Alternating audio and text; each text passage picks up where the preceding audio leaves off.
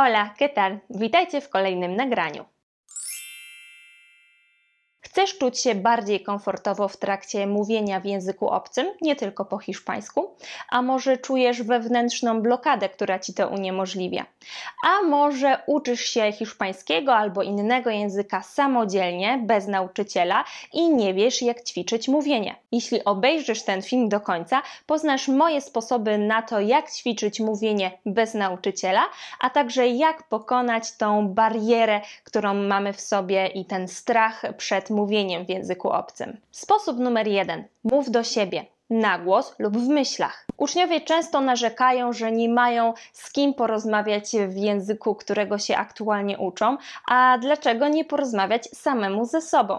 W ten sposób możemy nauczyć się formułować zdania, sprawdzić na przykład, jakich słów w danym języku obcym nam jeszcze brakuje, albo nad jakimi konstrukcjami gramatycznymi trzeba by popracować. Sposób numer dwa: mów do swojego zwierzątka domowego w języku, którego się uczysz, lub mów do lustra. Ten punkt jest trochę powiązany z punktem numer jeden, bo jeżeli będziemy mówić do siebie, to możemy robić to w myślach albo na głos, a jeżeli będziemy robić to na głos, to możemy zrobić to do lustra. I to jest bardzo fajny sposób z tego względu, że nie mamy żadnej presji e, na sobie, nie musimy się stresować, że ktoś nas będzie poprawiał bo to jest taki pierwszy etap, w którym możemy po prostu oswoić się z tym, że my w ogóle mówimy w języku obcym. I ta druga opcja, o której wspomniałam, czyli mówienie do swojego zwierzątka domowego w języku, którego się uczymy, też jest pozbawiona tego elementu oceny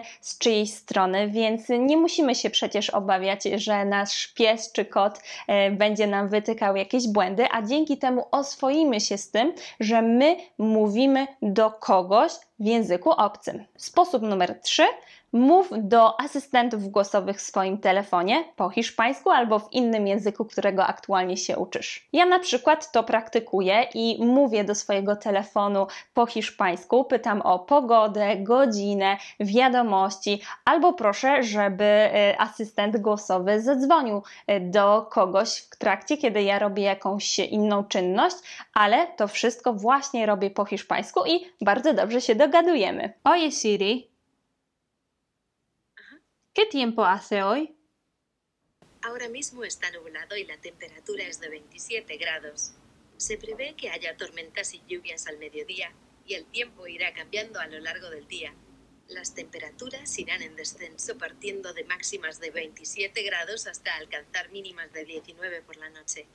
Gracias. Numer 4. Zrób sobie karaoke. Jeśli lubisz śpiewać piosenki, to dlaczego nie zrobić tego w języku, którego się uczymy? Możesz nauczyć się jednej piosenki i wałkować ją w kółko, albo próbować naśladować to, co słyszysz w radiu. Możemy przecież też śpiewać pod prysznicem i nikt nam nic nie może za to zrobić. Próbuj rozmawiać przez telefon po hiszpańsku. Możesz przecież zadzwonić na jakąś infolinię i zapytać o ofertę danej firmy, albo na przykład jeśli planujesz wakacje, to zamiast pisać maila, zadzwonić do danego hotelu na WhatsAppie i zapytać o aktualną ofertę. To może wydawać się sposób dla odważnych, ale moim zdaniem nie ma czego się bać. Przecież to naturalne, że dzwonimy i wypytujemy o ofertę danego hotelu, jeżeli chcemy na przykład w przyszłości spędzić tam wakacje.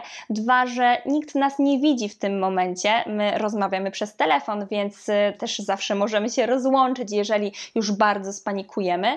A zresztą zawsze na początku rozmowy możemy uprzedzić, że dopiero uczymy się języka i poprosić o to, żeby na przykład ktoś mówił wolniej. Dzięki temu będzie nam łatwiej zrozumieć to, co dana osoba chce nam przekazać. Poszukaj kogoś, kto mówi po hiszpańsku w Twojej okolicy. Szczególnie w dużych miastach organizowane są co jakiś czas tego typu spotkania, w trakcie których można spotkać native'a, czy też porozmawiać z osobą, która po prostu tak jak my uczy się danego języka obcego w tym momencie. Można też kogoś poszukać na grupach facebookowych czy na przykład na portalu Meetup. Jest też taka aplikacja Tandem, która potencjalnie łączy osoby, które chcą praktykować właśnie mówienie w danym języku obcym, ale tam trzeba uważać jednak na kogo się trafia, także warto tę osobę zweryfikować.